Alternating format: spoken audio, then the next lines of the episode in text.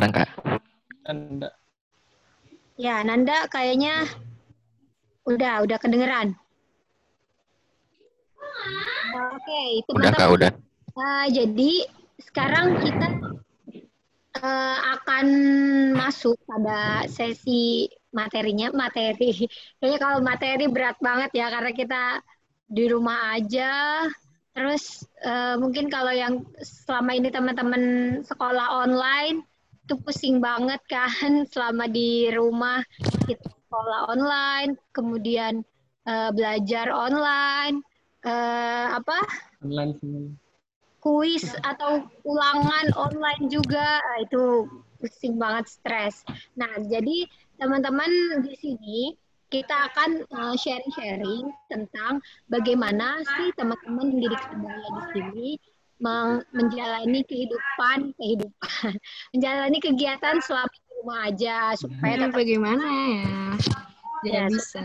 sehat dan tetap uh, beraktivitas dengan uh, seperti biasa kayak gitu. Nah kali ini kita akan uh, sama-sama uh, topik uh, tema dari pembahasan yang akan kita bahas pada kali ini itu yang pertama ada penyakit tidak menular. Jadi teman-teman pend- teman-teman pendidik sebaya di sini akan uh, menceritakan apa sih itu penyakit tidak menular dan bagaimana perilaku berisiko yang bisa memunculkan penyakit tidak menular tersebut. Kayak gitu. Nah, daripada panjang lebar saya ngomong, mending kita langsung ke pemateri yang pertama dulu ya. Ya, pemateri yang pertama itu ada Alif. Alif sudah kedengeran Alif suaranya? Sudah kak. Alif. Ya, jadi uh, kita sekarang mau ini nih, kita mau ngobrol-ngobrol penyakit tidak menular. Oh iya kak, siap. Sebenarnya penyakit tidak menular itu apa sih? Itu barang apa? Penyakit apa? Terus uh, bentuknya kayak gimana? Bisa ceritain nggak, Alif? Oke, jadi begini ya teman-teman. Penyakit tidak menular atau PTM itu adalah penyakit yang bukan disebabkan oleh infeksi atau virus dan penyakit itu tidak bisa ditularkan kepada orang lain. Nah, penyakit ini juga tuh biasanya disebabkan oleh beberapa faktor nih yang tidak lain dan tidak bukan adalah pola hidup tidak sehat kita nih. Nah, beberapa penyakit itu tuh kayak obesitas, hipertensi, kolesterol, asma, kanker, seperti itu teman-teman. Nah, untuk mencegahnya, kita nih bisa menerapkan pola hidup sehat, terus apa, peduli terhadap lingkungan juga. Pokoknya ya pola hidup sehat lah, aktivitas fisik, dietnya tidak berlebihan, seperti itu kak. Terlalu cepat mungkin, teman-teman. Oke, ya jadi tadi uh, Alif katanya penyakit tidak menular itu penyakit yang disebabkan bukan oleh infeksi virus. Nah, iya betul kak. Ya sekarang kan kita mungkin di rumah aja karena infeksi virus ya. Nah tapi iya, kak. ini uh, ternyata ada penyakit lain yang selain dari infeksi virus. Nah, itu tadi Alif udah cerita tentang penyakit tidak menular. Ya, nah, uh, uh, setelah penyakit tadi Alif udah cerita tentang penyakit tidak menular, itu berarti beda antara penyakit menular dan tidak menular itu apa, Alif? Nah, untuk bedanya sendiri, kalau penyakit tidak menular kan tadi sudah saya kasih tahu nih ke teman-teman bahwa itu tuh apa penyakitnya tidak disebabkan oleh infeksi atau virus ya teman-teman. Nah kalau penyakit menular itu disebabkan karena virus tuh oleh mikroorganisme. Nah penyakit itu bisa ditularkan juga kepada orang lain. Kalau penyakit tidak menular itu tidak menular kepada orang lain. Jadi aman. Oke. Sakit buat sendiri aja gitu kan. Gak bercanda teman-teman. Oh iya, ibu berarti jadi kalau misalnya kita kita kena penyakit tidak menular, berarti kita doang sendiri yang kena ya. Iya, iya, begitu kak. Ya, kecuali misalnya eh, orang kena virus gitu, misalkan kayak flu. Nah, flu itu kan karena infeksi virus gitu kan. Nah, jadi Ya. itu bisa menularkan ke orang lain kalau Lain. kena virusnya gitu kan ya. Iya, betul kak. Tidak menular ini eh, nggak bisa kena kalau misalkan kita kena udah kena penyakit itu berarti orang lain misalnya mau jenguk kita ketika sakit itu boleh ya? Boleh kak, Oh gitu. karena tidak menular itu. Ah, Nah, sebagai apa aja? sebenarnya apa kak? Gimana gimana? Lanjut lanjut. Nih, sebenarnya penyakit tidak menular itu 80% itu bisa dicegah kalau kita tuh menerapkan pola hidup sehat. Nah, Oh, 20%-nya itu penyakit tidak menular ini biasanya berasal dari keturunan seperti itu yang tidak bisa apa? Tidak bisa dipungkiri lah pasti akan terkena keturunannya seperti itu, Kak. Mm-mm. Oh oke. Berarti eh, penyakit tidak menular itu bisa dicegah. Nah contoh apa sih penyakit tidak menular tuh? Contohnya kayak obesitas, hipertensi, kanker, jantung koroner, macam-macam kah banyak kok. Itu karena pola hidup kita sendiri itu karena tidak sehat Oh, seperti itu kak. Iya iya. Berarti sebenarnya penyakit penyakitnya penyakit penyakit yang ini ya, yang apa ya? Apa kak? Kanker itu kan kayak penyakit yang bukan cuma eh bukan sekali kita misalnya kita eh, tiba-tiba kena kanker gitu kan itu biasanya penyakitnya jangka waktu lama Waktu gitu kan. lama, iya betul Iya. kak. Makanya tadi Alif bilang penyakitnya bisa dicegah kayak gitu mungkin ya. Iya betul kak. Oke. Nah, itu tadi eh, contoh-contohnya ada kanker, terus apalagi tadi diabetes ya, terus Hipertensi, tensi. Oke. obesitas. Nah, itu banyak banget ya. Itu penyakit kayaknya itu penyakit-penyakit yang eh, apa ya? susah untuk diobatin kan. Itu penyakit kalau dulu mungkin penyakit orang tua gitu kan katanya. Iya, Sekarang tapi kayaknya udah banyak ya anak muda yang kena penyakit-penyakit tersebut tadi gitu. Ya nggak sih? iya kak, betul sekali. Karena itu tadi mereka itu tidak menerapkan pola hidup sehat kayak apa? Masih merokok seperti itu, kurangnya aktivitas fi- fisik, terus dietnya berlebihan, terus sering keluar rumah yang banyak polusi udaranya itu bikin apa? Kita terkena penyakit tuh seperti itu kak.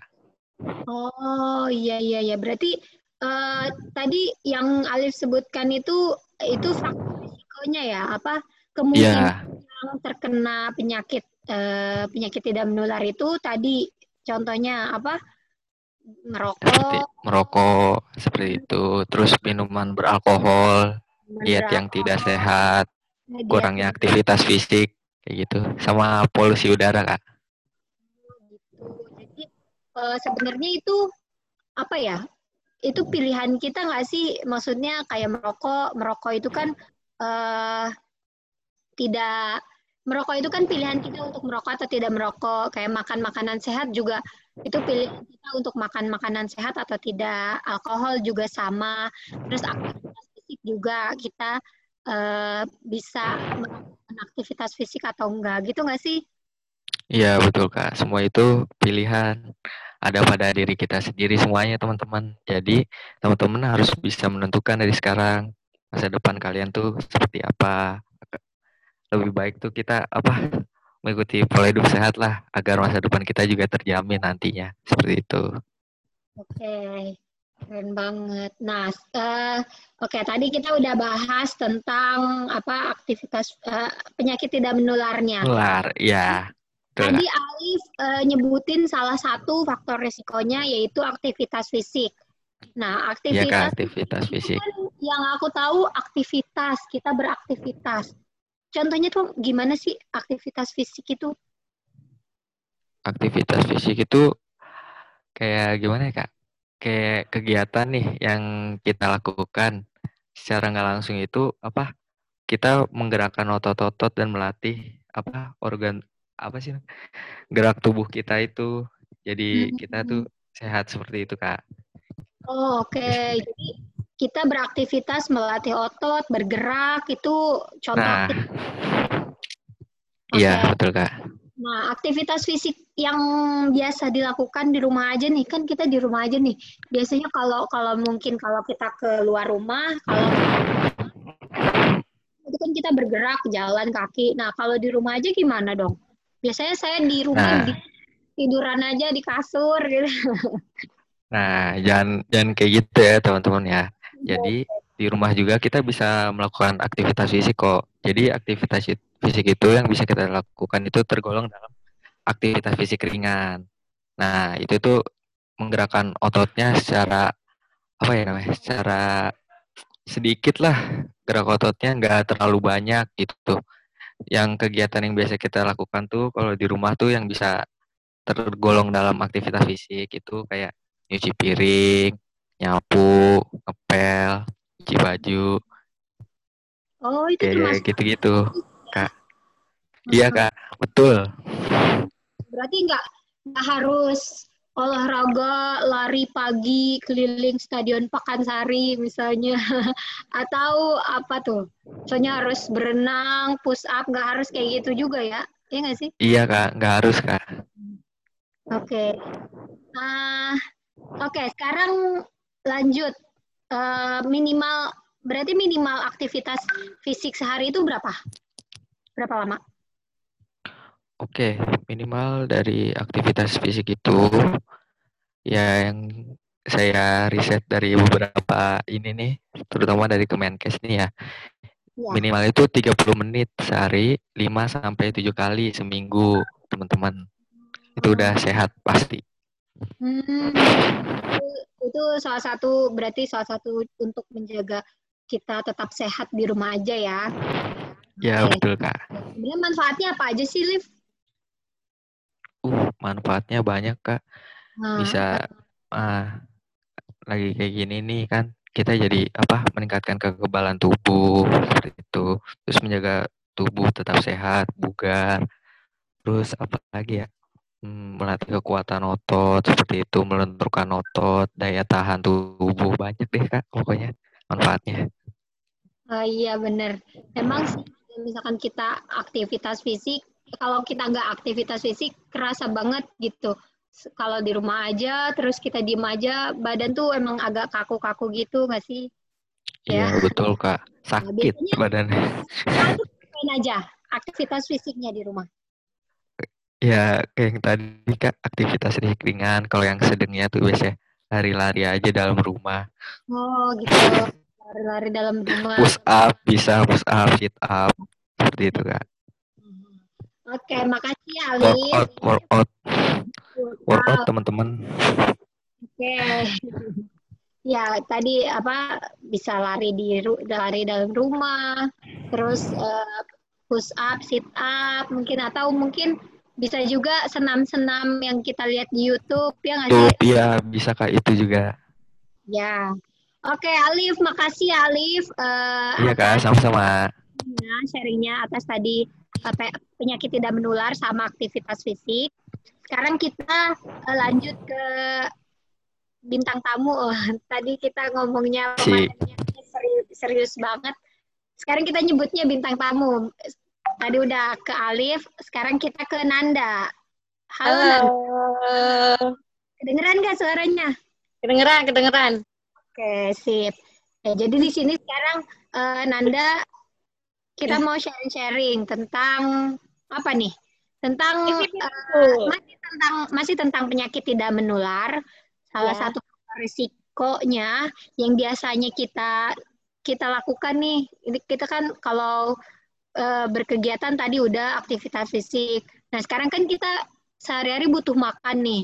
Nah, biasanya kalau anak muda itu makannya yang penting enak, yang penting eh, lezat, yang penting kenyang gitu kan.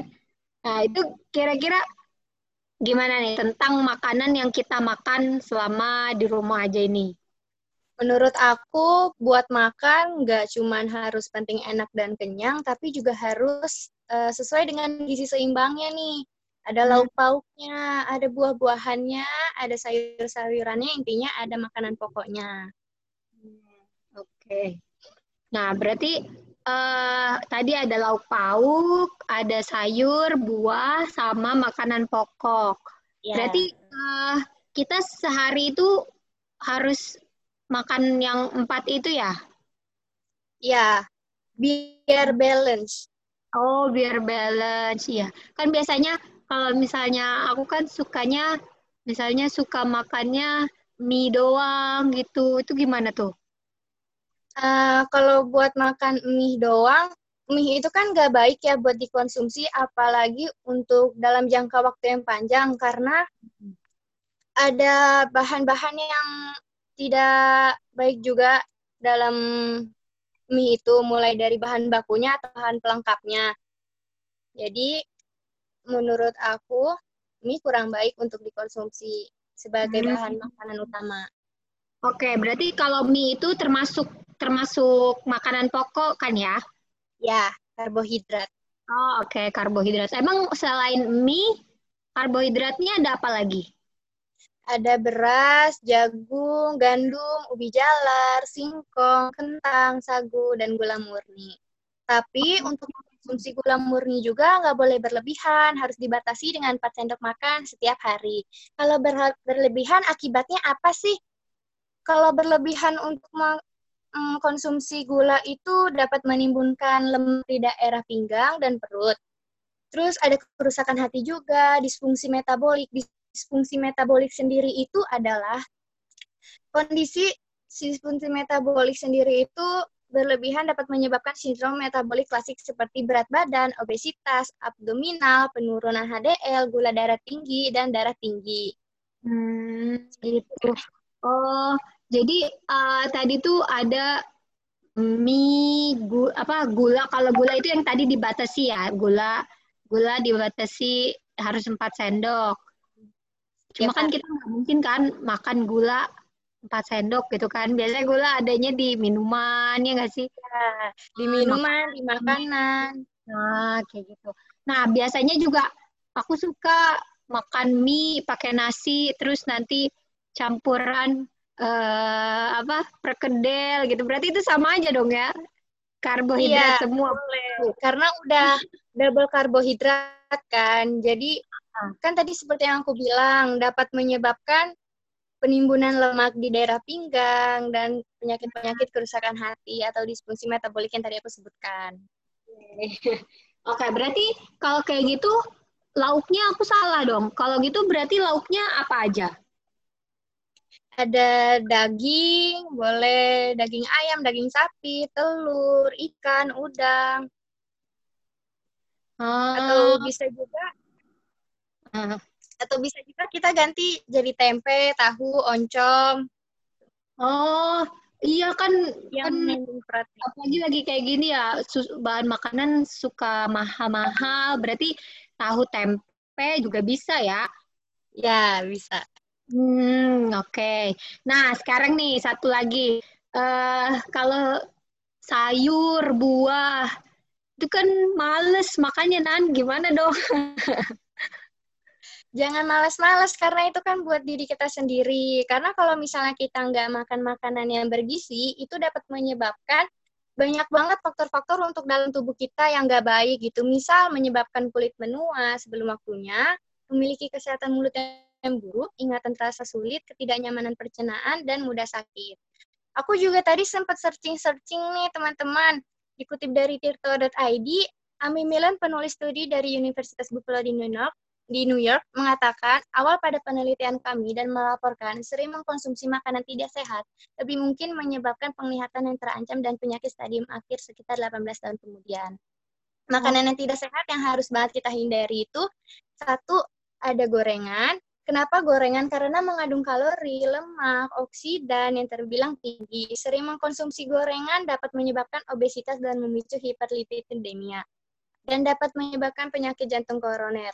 Dan yang kedua, ada makanan kalengan. Kenapa makanan kalengan itu nggak bagus? Karena pada saat pengemasan kaleng itu, kandungan vitamin dan proteinnya rusak. Jadi, gak baik sebenarnya makanan kalengan itu. Walaupun banyak banget yang tertera makanan kalengan tuh bagus vitaminnya terjaga padahal enggak gitu. Terus yang Hmm. ketiga ada makanan yang harus kita hindari juga nih namanya makanan asinan. Karena makanan asinan itu kan banyak kandungan garamnya jadi nggak bagus juga buat kesehatan kita untuk dikonsumsi panjang. Dan tadi mie instan yang Kak Ica singgung itu salah satu makanan yang nggak baik juga untuk dikonsumsi jangka panjang Oh, oke. Waduh, tadi pagi saya sarapan pakai gorengan nih Dan.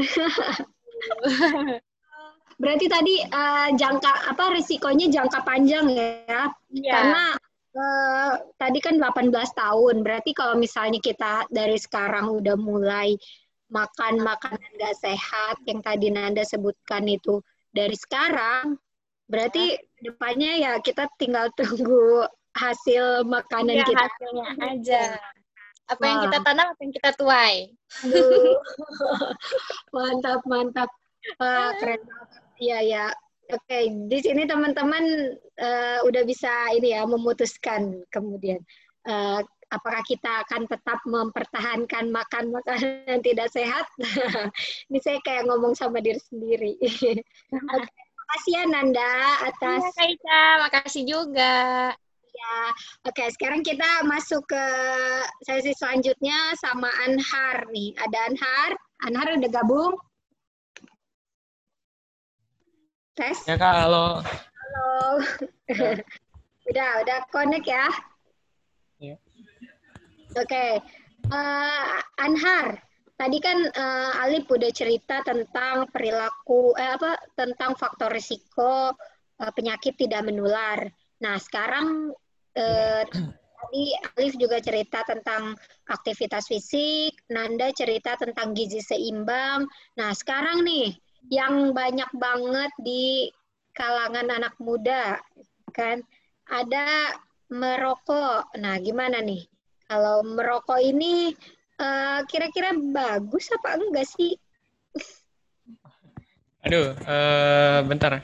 Pertamanya ya, Ah. sebelum ngebahas sebelum ngebahas lebih lanjut rokok itu, kita tahu dulu eh, bahan dari rokok itu. Ya. Yang ro- apa? Rokok itu adalah produk yang berbahaya dan tidak normal. Itu itu dari pengertiannya aja udah kelihatan ya. Produk Hmm. yang berbahaya dan tidak normal. Dan rokok rokok itu menargetkan industri eh industri rokok menargetkan anak-anak dan remaja-remaja untuk menjadi perokok pemula ya. Hmm. dengan dengan iklan yang bersifat manipulatif dan dan yang apa iklan-iklan yang bagus untuk kayak kayaknya di- dilihatnya bagus gitu ya padahal itu padahal itu eh, men- rokok ro- industri rokok menargetkan anak-anak remaja untuk menjadi perokok pemula jadi yang ditargetkan industri rokok pertama itu yang pertama itu anak-anak remaja ya anak-anak remaja Oh, oke. Tadi berarti eh, Anhar sebutin bahwa rokok itu mengandung zat-zat berbahaya, kan? ya Emang berapa sih zat berbahayanya? Tahu nggak? Ada nggak datanya?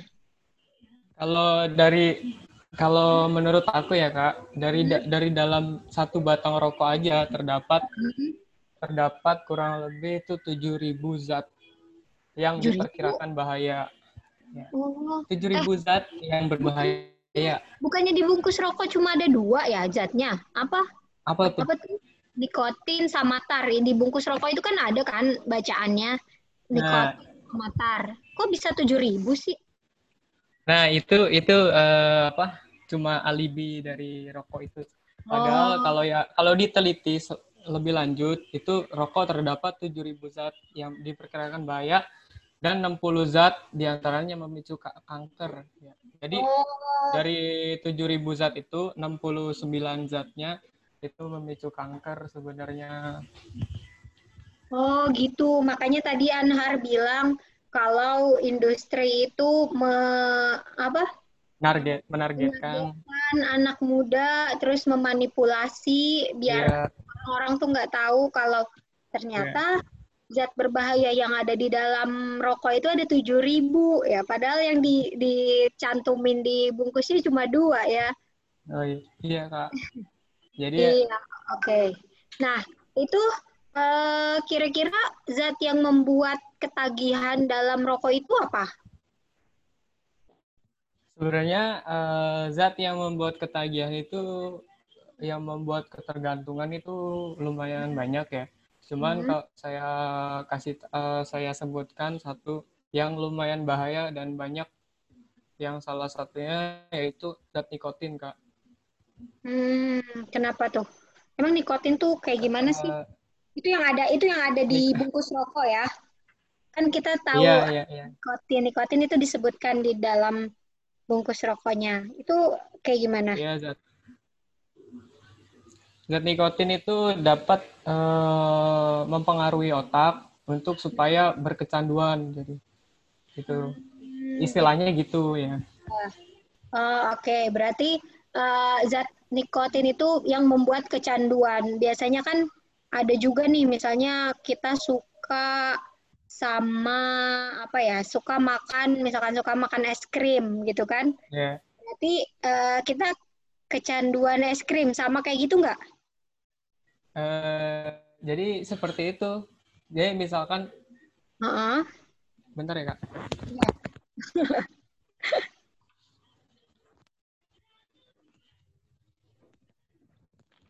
Oh,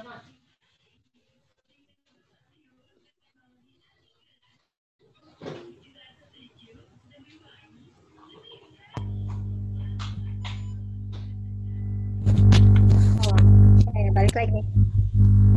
Ada kendala teknis. Iya, iya, nggak apa-apa. Jadi gimana kak dari? Ya, jadi kan tadi uh, Anhar bilang cerita bahwa zat nikotin itu yang termasuk yang salah satu yang berbahaya karena uh, dia mem- memunculkan kecanduan gitu kan. Padahal padahal misalnya rokok itu bukan cuma nikotin kan, ada 7000 zat uh, berbahaya yang lainnya. Jadi uh, berarti itu salah satu yang memang bikin berbahaya gitu nikotin karena nikotinnya bikin kita kecanduan.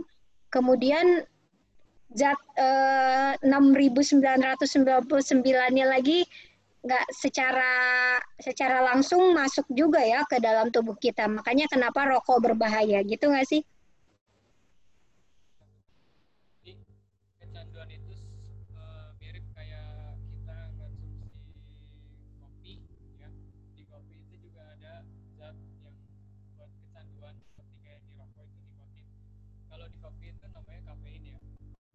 hmm. Anhar Anhar. Anhar suaranya kecil nggak kedengeran. Tes halo. Ya. Halo halo eh, masih kecil. Halo halo halo. Headsetnya mungkin eh, ketarik atau gimana? Dibenerin coba tes lagi.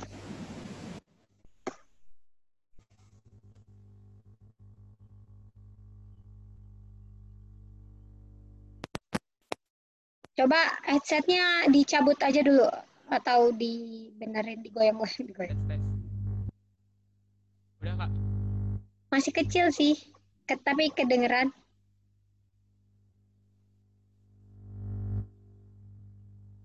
Ya oke kedengeran udah udah Eh, kalau dicabut headsetnya bisa nggak? Kecil, soalnya suaranya kecil banget. iya kak Nah, lo udah Kedengeran kedengeran. Ya, kedengeran. Kedengeran. Sua- Nah. suaranya yang kecil jadi Suara siapa? Suara akunya. iya eh, coba Coba, tapi kedengeran nggak? Kedengeran, kedengeran. Jelas sudah. kedengeran sih Oke. Nah, eh, sekarang eh, kira-kira penyakit penyakit akibat rokok itu apa aja, Har? Kan tadi udah jela- udah ngejelasin eh, rokoknya mengandung zat berbahaya ada 7000. Nah, itu penyakit akibat rokok itu ada apa aja sih?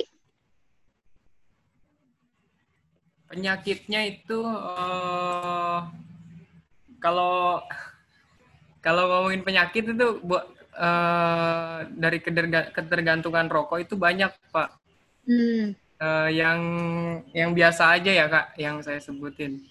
Yang Yang biasanya itu yang penyakit yang di- diakibatkan rokok itu salah satunya nggak usah jauh-jauh deh eh, dari dari bungkus rokoknya itu aja kita kita kita tahu ada ada apa ada terpapar di situ Eh, contohnya yang sering terjadi yaitu kanker. Ya udah pasti itu kanker ya. Karena yang tadi dibilang zat yang du- 69 zat dari 7000 zat yang berbahaya itu di antaranya memicu kanker ya. Nah itu itu satu yang biasanya yang biasanya sering terjadi karena rokok. Nah, yang kedua jan eh, paru-paru, Hmm. yang kedua paru-paru. Yang ketiga yaitu stroke dan gangguan kehamilan. Nah, itu bahaya yang terdapat pada rok pada bahaya yang terdapat pada bungkus rokok yang udah tercantum. Iya, Jadi jadi- jangan jangan jauh-jauh googling, jangan jauh-jauh. Jadi apa? Di bungkus rokok itu udah tercantum bahayanya. Iya, jadi sebenarnya eh, harusnya sih orang-orang bisa lihat gitu ya. Kalau sebelum rokok itu udah ada tulisannya sebenarnya kan, nggak usah nggak Iya. usah googling, nggak usah cari-cari informasi ke mana-mana. Sebenarnya udah ada gitu kan, tinggal Iya. kita mau kemudian mau memutuskan buat ngerokok atau enggak gitu. Iya. Oke, lanjut. Nah, sekarang eh, tadi kan rokok rokok bikin kecanduan juga. Nah, sekarang kita pindah ke alkohol. Kira-kira kalau alkohol itu sama aja nggak sih bikin kecanduan juga nggak sih?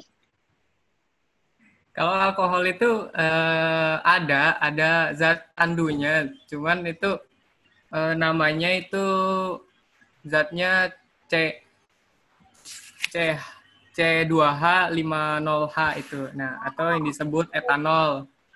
Ya, Oh, etanol atau etil alkohol. Hmm. itu itu ada itu itu zat itu tuh eh, zat yang di yang di bahan hasil pertanian yang mengandung karbohidrat dengan cara difermentasi dan destilisasi atau fermentasi tanpa destilasi ya Oh, oke. Jadi, zat zat karbohidrat yang difermentasi atau destilasi oh, jadi se, sama aja ya berarti ya, sama aja kayak rokok ya. Itu alkohol itu membuat kecanduan juga sama ya. Tapi zatnya beda. Kalau tadi di rokok ada iya nikotin, kalau di alkohol ada etanol atau etil alkohol gitu. iya Nah, eh, kalau misalnya kecanduan alkohol itu nggak apa-apa atau berbahaya juga? kenapa kenapa kak Kalau berkecanduan alkohol itu berbahaya juga apa enggak? Atau ada akibat-akibatnya kalau kita kemudian kecanduan sama alkohol? pasti kalau namanya minuman keras ya kak Ya. namanya juga minuman keras ya pasti eh, bahaya juga buat tubuh yang pertama ya Ya. yang buat tubuh itu yang akibat dari kecanduan minuman keras yaitu yang sering orang terjadi. Yaitu iritasi pada lambung. Hmm. yang pertama eh, alkohol itu menyerang lambung. Kalau di dalam tubuh ya. Dan yaitu eh, melukai organ-organ dalam melukai organ-organ dalam manusia. Yaitu organ-organ yang di dalam tubuh kita. Ya misalkan yang lambung tadi. Dan gangguan fungsi hati. Jadi eh, si alkohol ini menyerang fungsi hati kak jadi kan Oh. hati itu berfungsi eh, berfungsi untuk apa sih berfungsi untuk memfilter kotoran-kotoran yang di dalam tubuh ya jadi kalau misalkan hati itu misalkan fungsinya udah rusak atau udah dirusak sama si alkohol itu tadi. Jadi udah nggak ada yang memfilter, filter, udah ada, udah nggak ada yang memfilter kotoran-kotoran di dalam tubuh kita. Virus-virus dalam tubuh kita. Jadi otomatis uh, tubuh kita akan terpapar virus ya. Ya, oh oke. Okay. Berarti uh, jadi sebenarnya uh, minuman eh minuman ya minuman beralkohol itu kan tadi berbahaya gitu ya berbahaya buat lambung untuk ya kan karena masuknya ke sistem pencernaan berarti uh, alkohol itu ya. bukan bukan apa ya bukan sebuah minuman atau makanan yang normal untuk masuk ke tubuh kita gitu kan. Tadi kan Nanda cerita uh, ada makanan-makanan yang memang tidak baik untuk dikonsumsi. Nah, berarti ini juga salah satu alkohol ini juga salah satu minuman yang tidak baik untuk dikonsumsi, ya kan? Iya. Oke, makasih uh, Anhar atas uh, waktunya sharing-sharing di sini tadi tentang rokok dan alkohol. Yep. Ya, untuk teman-teman yang mau bertanya bisa uh, raise hand atau uh, tulis di Q&A-nya. Jadi di sini kita bisa langsung jawab uh, karena materinya masih ada dan uh, apa? Dan kita bisa lanjut uh, apa dijawab oleh pematerinya kayak gitu. Nah, jadi tadi uh, ya tadi se, se uh, sambil nunggu yang mau nanya. Jadi tadi uh, di sini Alif, Nanda dan Anhar udah cerita tentang penyakit tidak menular dan perilaku berisikonya, faktor risikonya, risiko untuk tertular penyakit tidak menular itu. Jadi penyakit tidak menular itu uh, berbeda dengan penyakit menular. Mungkin penyakit menular itu uh, bisa ditularkan antara kita manusia dengan manusia. Kayak sekarang kita ini kan selama di rumah aja, kita nggak boleh keluar-keluar karena khawatir tertular virusnya gitu. Karena kita khawatir uh, untuk tertular virus yang sekarang lagi heboh ini di Indonesia, bukan di Indonesia doang sih, di negara satu dunia gitu kan kita makanya nggak boleh keluar karena penyakitnya akan bisa sangat mudah menular apa masuk ke tubuh kita kalau misalnya ada virusnya gitu jadi tertular. Nah beda dengan uh, apa? Beda dengan penyakit tidak menular yang tadi udah diceritakan sama teman-teman uh, pemateri bahwa penyakit tidak menular ini beda dengan penyakit menular. Penyakit tidak menular ini ada faktor risikonya, ada perilaku yang bisa kita lakukan untuk mencegah penyakit tidak menular tersebut. Karena uh, penyakit menul penyakit tidak menular itu uh, apa ya? Penyakit yang memang sejak dari penyakit itu dulu mungkin penyakit yang terkena orang yang terkena penyakit itu adalah orang tua. Tapi perilakunya bisa kita cegah dari kita selama uh, masa muda ini kayak gitu. Jadi tadi ada makan makanan sehat, terus aktivitas fisik, tidak merokok, tidak minuman, tidak minum minuman beralkohol juga. Kayak gitu ya, teman-teman. Nah, sekarang eh, kita masuk ke sesi pertanyaan. Jadi di sini udah ada lumayan banyak pertanyaan. Oh ya, aku mau ngingetin juga.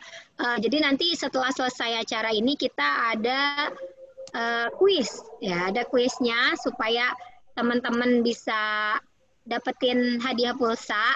Walaupun semua teman-teman di sini dapat pulsa ya cuma kalau menang kuis bisa dapat pulsa tambahan. Oke. Okay. nah sekarang ini uh, kita masuk ke pertanyaan. Ada yang nanya nih.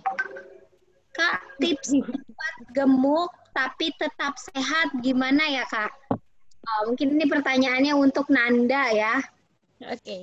Uh, ya, jadi tips cepat gemuk mungkin dia apa tubuhnya nggak kayak aku ya. ya. Tapi Karena tetap juga sehat. Gimana nih, Nanda? Karena aku juga nggak gemuk badannya jadi ini sepengetahuan aku aja. uh, sambil makan makanan yang sehat, makan makanan buah, sayur, didampingi juga dengan aktivitas fisik, entah itu lari-lari, jogging, jogging pagi, jogging sore juga itu bisa meningkatkan berat badan. Gak kalian dengan makan makanan banyak, misal junk food, terus kalian makan makanan yang mengandung gulanya tinggi, itu nggak nggak bikin berat badan kalian naik, malah bikin tambah penyakit gitu. Hmm, oke. Okay. Jadi sebenarnya uh, apa tadi kurus misalnya kurus uh, ini ya eh, karena ya iya saya juga kurus sih tapi misalnya kita makan makanan sehat dan kita bisa beraktivitas dengan apa dengan lancar gitu dengan semangat dengan apa ya lincah itu sah-sah aja gitu ya karena uh, kurus atau gemuk itu biasanya itu bisa kita lihat dari indeks massa tubuh. Kalau teman-teman ngukur misalnya berat badan, berat, berat badan misalkan, oh ini kurus banget nih, tapi ternyata tinggi badan kita juga enggak apa enggak tinggi, enggak terlalu tinggi. Nah itu bisa diukur tuh dari indeks massa tubuh. Cara ngukurnya gimana Nan?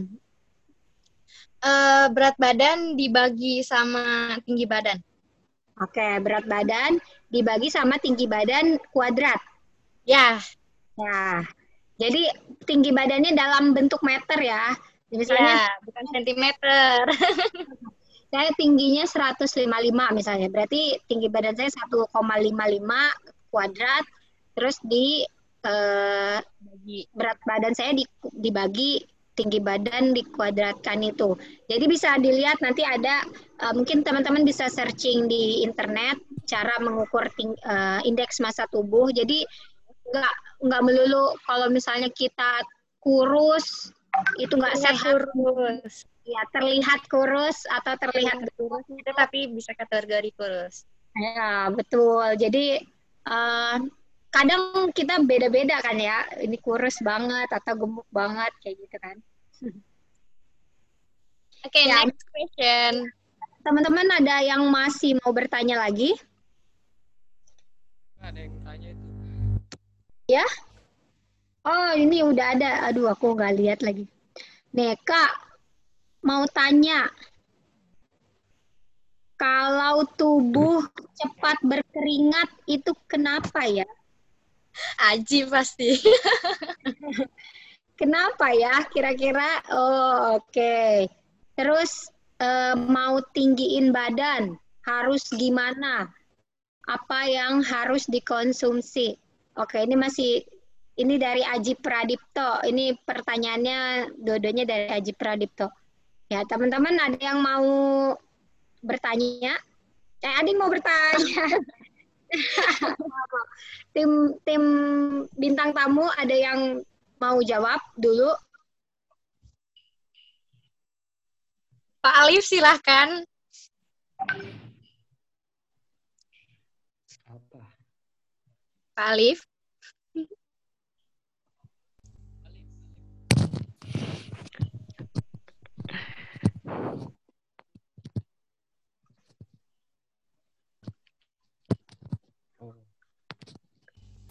Tuh ada dari si Des.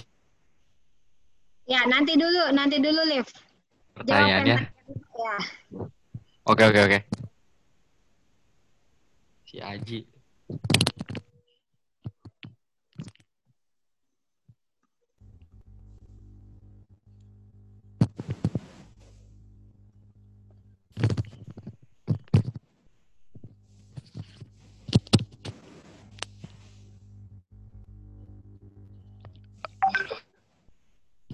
Alif.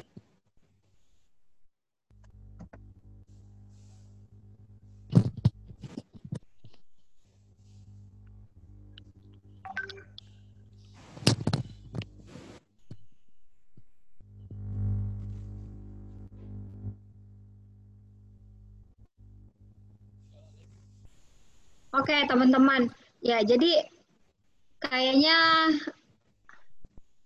uh, ada yang langsung mungkin teman-teman pembicara, teman-teman bintang tamu bisa langsung jawab di Q&A. Okay. Bisa kan? Ya kayak kayak kayak Anhar tadi udah jawab dari Nizar ya. Ya, karena kita waktunya udah 12.04 ya. Jadi kita masih ada masih ada kuis juga supaya waktunya nggak terlalu lama. Ya, jadi uh, mungkin teman-teman yang masih mau nanya itu bisa di Q&A nanti langsung dijawab sama bintang tamu kita untuk langsung jawab di kolom answer-nya ya. Jadi nanti Alif atau Nanda atau Anhar bisa jawab langsung di di kolom answer-nya ya. Oke? Okay? Ya, jadi sekarang kita langsung masuk aja ke sesi quiz. Nah, uh, mungkin sesi talk show-nya udah selesai. Uh, saya cuma memandu untuk talk show-nya aja. Jadi terima kasih kepada Anhar, Nanda, dan Alif untuk waktunya udah sharing-sharing uh, aktivitas selama di rumah aja, aktivitas hidup sehatnya di rumah selama di rumah aja. Makasih juga teman-teman attendisnya uh, udah menyak apa udah aktif nanya dan aktif mendengarkan. Uh, sekarang kita masuk ke Q&A aku serahkan lagi ke MC-nya. Ada Kak Bagja. Iya. ya, makasih ya atas waktunya teman-teman. Saya langsung serahkan ke Kak Bagja ya. Oke, terima Dadah. kasih Kak Ica, terima kasih Anhar, Nanda, dan Alif. Mungkin untuk teman-teman yang mau bertanya bisa sambil di Q&A aja. Nanti Anhar, Alif, atau Nanda bisa langsung ketik jawabannya di fitur Q&A-nya ya. Jadi supaya bisa saling melihat dan waktunya tidak terlalu lama. Nah, sekarang kita akan kuis. Kuisnya online. Ini saya mau share screen dulu. Nah. Sudah kelihatan ya, teman-teman? Kelihatan nggak? Tes, tes.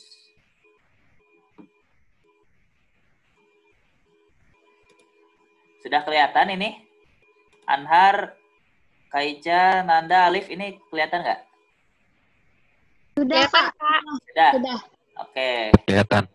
Nah, silakan teman-teman, ini bisa diketik ya, kuis YHP Skanesa. Oke. Ini kuis khusus untuk teman-teman yang dari SMK Negeri 1 Cibinong. Nah, nanti uh, di kuis tersebut ada juga teman-teman ngisi nama, ngisi nomor telepon, kemudian ada pertanyaan-pertanyaannya, ya. Nah, di situ teman-teman uh, nanti untuk ngisi nomor teleponnya terutama jangan sampai salah karena nanti pulsanya akan diisikan ke nomor yang di formulir tersebut. Oke. Okay. Kalau mau cantumin nomor aku juga boleh. Nah, jangan nomor kalian masing-masing ya. Begitu sih. Ini oh iya teman-teman ini ada yang pakai ini kali ya. Teman-teman ada yang pakai handphone ya? Kalau yang pakai handphone bisa sambil ngisi nggak? Atau maksudnya bisa double gitu zoom dan ngisi formulir bisa nggak ya? Nanda, bisa, Alif bisa nyobain supaya tahu? Bisa kak. Bisa? Oke, kalau bisa, bisa kita kasih waktu ya, kita kasih bisa, waktu. Kak, bisa, Kak. Bisa. Oke, kita kasih waktu maksimal 10 menit untuk mengisi kuisnya.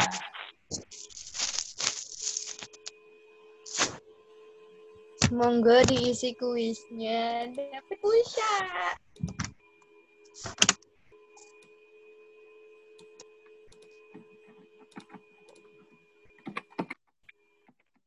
Nah, sambil mengisi boleh tuh siapa mau jawab mungkin? Kalau aku nggak terlalu ngerti sih akibatnya kenapa uh, berkeringat terlalu berlebihan. Takutnya salah-salah ngomong. Kak Ica boleh, Kak Ica dibantu.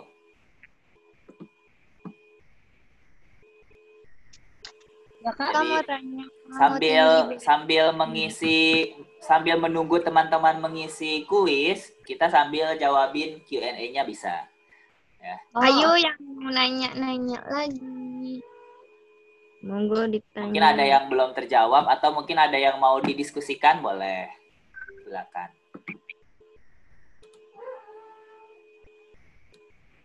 Tadi kayaknya ada yang nanya deh kak, bahaya begadang.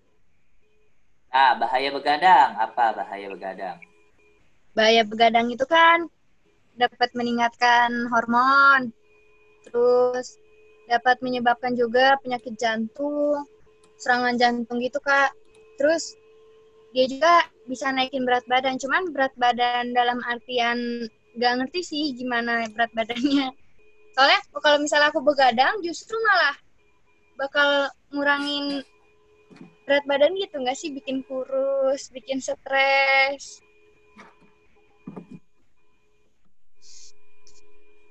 Ya, betul banget tuh Nanda. Jadi begadang itu kan sebenarnya apa ya? Ketika kita tubuh itu sebenarnya harus bisa harus punya waktu untuk istirahat gitu kan. Nah, ketika kita tubuh tubuh kita sudah lelah dan tidak tidak menerima apa ya haknya untuk istirahat, nah itu biasanya itu akan menurunkan metabolisme. Uh, jadi uh, kalau misalnya jadi sistem tubuh kita itu udah udah pasti harus istirahat gitu. Kalau misalkan kita nggak istirahat, maka uh, sistem tubuh kita, kita tetap bekerja. Ya, akan kelelahan, akan ya. uh, apa? Tadi yang Nanda sebutin itu uh, dia akan bekerja ekstra keras untuk kita karena kita melek terus gitu kan karena kita beraktivitas terus gitu. Jadi uh, itu akan memperburuk sistem imun apa ya. harusnya kita sehat tapi karena kita nggak istirahat ya kita akan jadi lemas. Gitu ya jadi lemas. Kurang darah kurang sering darah, pusing. Tuh kayak gitu ngantuk siangnya ya. Hmm. karena emang harusnya kita punya jatah tidur gitu tubuh kita harus punya jatah tidur. Jadi kurang produktif juga kalau misalnya di pagi hari yang harusnya memang buat produktif belajar atau bantu-bantu orang tua jadi tidur. Iya betul. Jadi uh, kurang produktif produktif siangnya ya. Iya biasanya kan tuh kalau misalnya anak sekolah kan biasanya begadang tuh ngerjain tugas. Ya kan apalagi siapa nih yang di sini suka begadang? Aku suka begadang. Tapi kalau lagi nggak ada kuota malam nggak. Iya jadi uh, ya itu akan mempengaruhi sistem imun akan turun. Ya ya karena energinya terkuras terus ya kan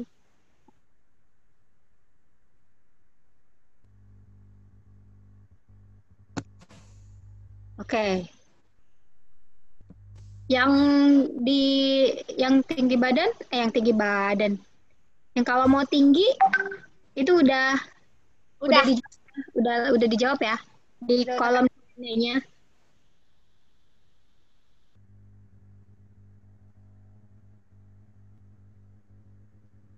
Oke. Okay. Uh,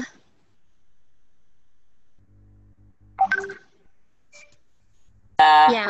cukup ya sepertinya waktunya. Oke. Masih udah udah ngisi semua kak. Coba ini kita sambil yang teman-teman uh, apa namanya teman Anhar, Nanda, Alif bisa ingetin teman-temannya untuk ngisi. Yang ya, lain juga boleh sambil di chat sudah ngisi atau belum kan ada fitur chat nah siap, siap, siap, siap, siap. sambil ngisi kita uh, apa namanya ini? Kita putar video bisa nggak ya dari HP dari laptop aku? Dari laptop Kak Hija bisa nggak? Saya waktu itu aku belum bisa deh. Huh?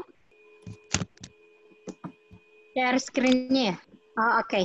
bisa nggak Kak Hija bisa. Soalnya Windows saya masih Windows 7.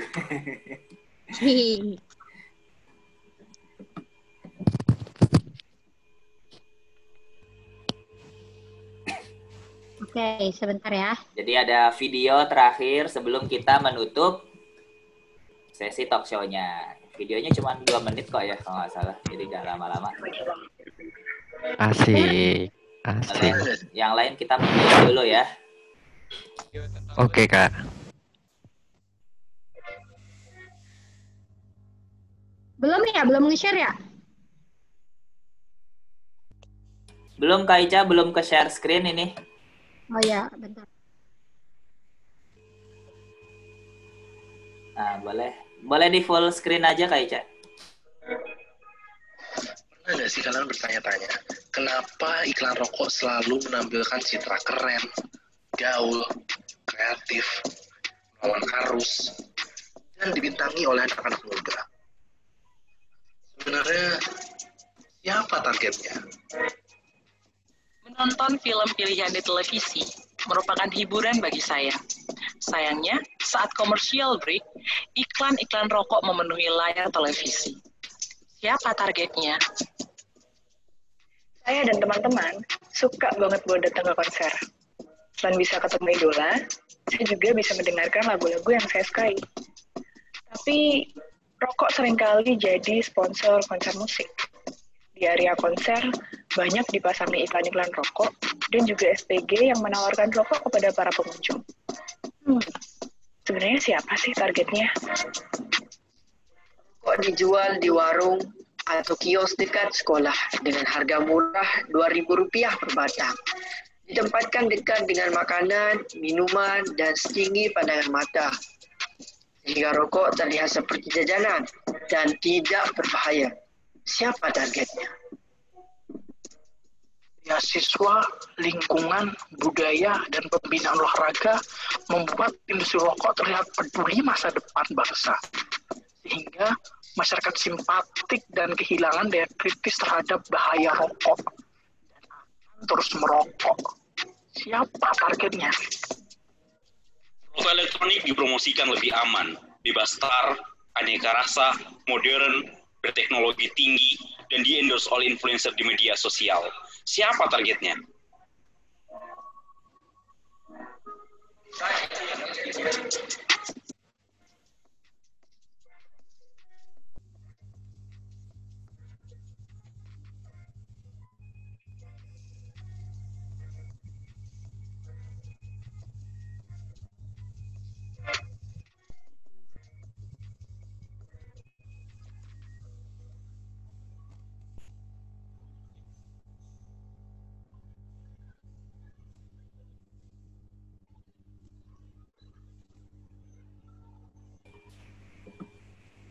Oke, terima kasih Kak Ica. Nah, berarti dengan diputarnya video barusan, berarti menandai juga berakhirnya sesi talk show kita pada pagi menjelang siang hari ini. Mungkin nanti kalau misalnya ada teman yang ketinggalan ngisi kuis, bisa dijapriin ya sama Alif Anhar atau Nandra, Nanda ya. Bisa dikasih chat uh, link apa link kuisnya ke chat pribadi mereka. Kayak begitu. Berarti terima kasih sekali lagi buat Anhar, Alif, Nanda yang udah mau jadi narasumber, yang udah bisa mengawali kegiatan yang health program di SMK Negeri 1 Cibinong ini lewat online, lewat online webinar talk show dan terima kasih juga Kak Isha yang sudah jadi moderator. Tadi saya sempat ada polling polling setujukah kamu jika kita mengadakan webinar lagi lewat Zoom untuk teman-teman SMK Negeri 1 Cibinong?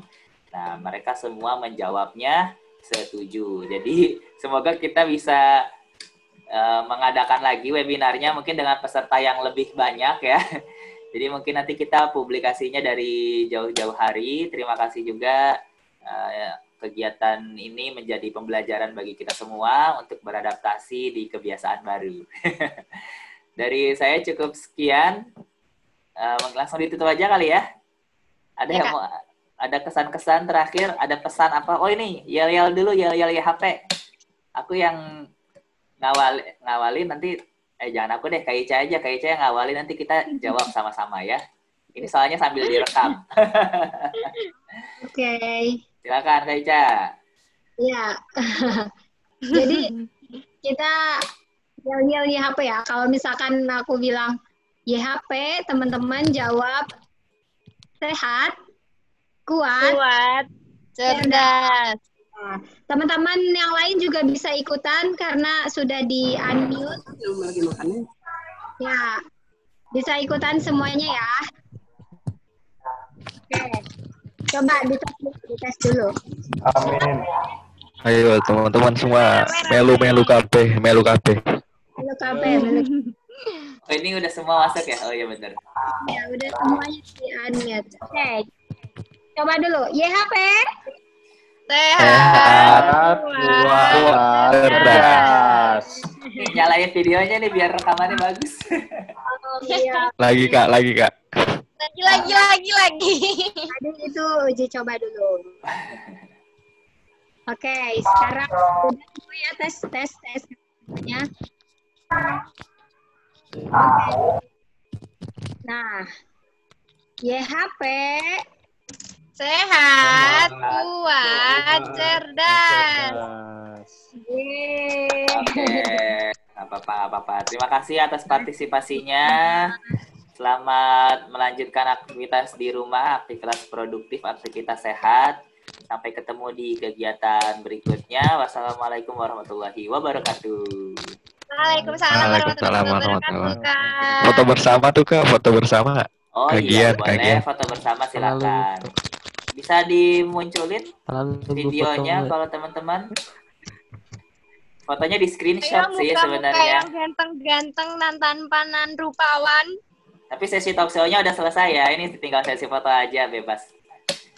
Gimana silakan. Kalau bisa nyalain video nggak yang lain? Mas Anhar, ganteng. Enggak, nggak bisa, nggak bisa. Oh, belum Zaki bisa. kamu matiin ya Oh, Zaki ya. Nggak bisa. Bisa nyalain video ya? Eh, Nanda, asik Nanda. Coba. Lu ada Play, siapa tuh? Oke. Ada siapa tuh? Aduh. Udah bisa belum?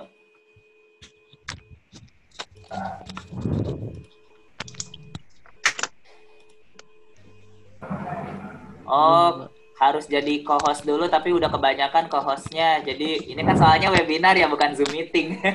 Iya. sorry, sorry. Jadi Sudahlah kalau begitu. Di screenshot oke. aja Kak Anissa. Mohon maaf ya. Assalamualaikum. Salam. Dadah. Waalaikumsalam. Dadah. Terima kasih semua sudah mampir. Dadah.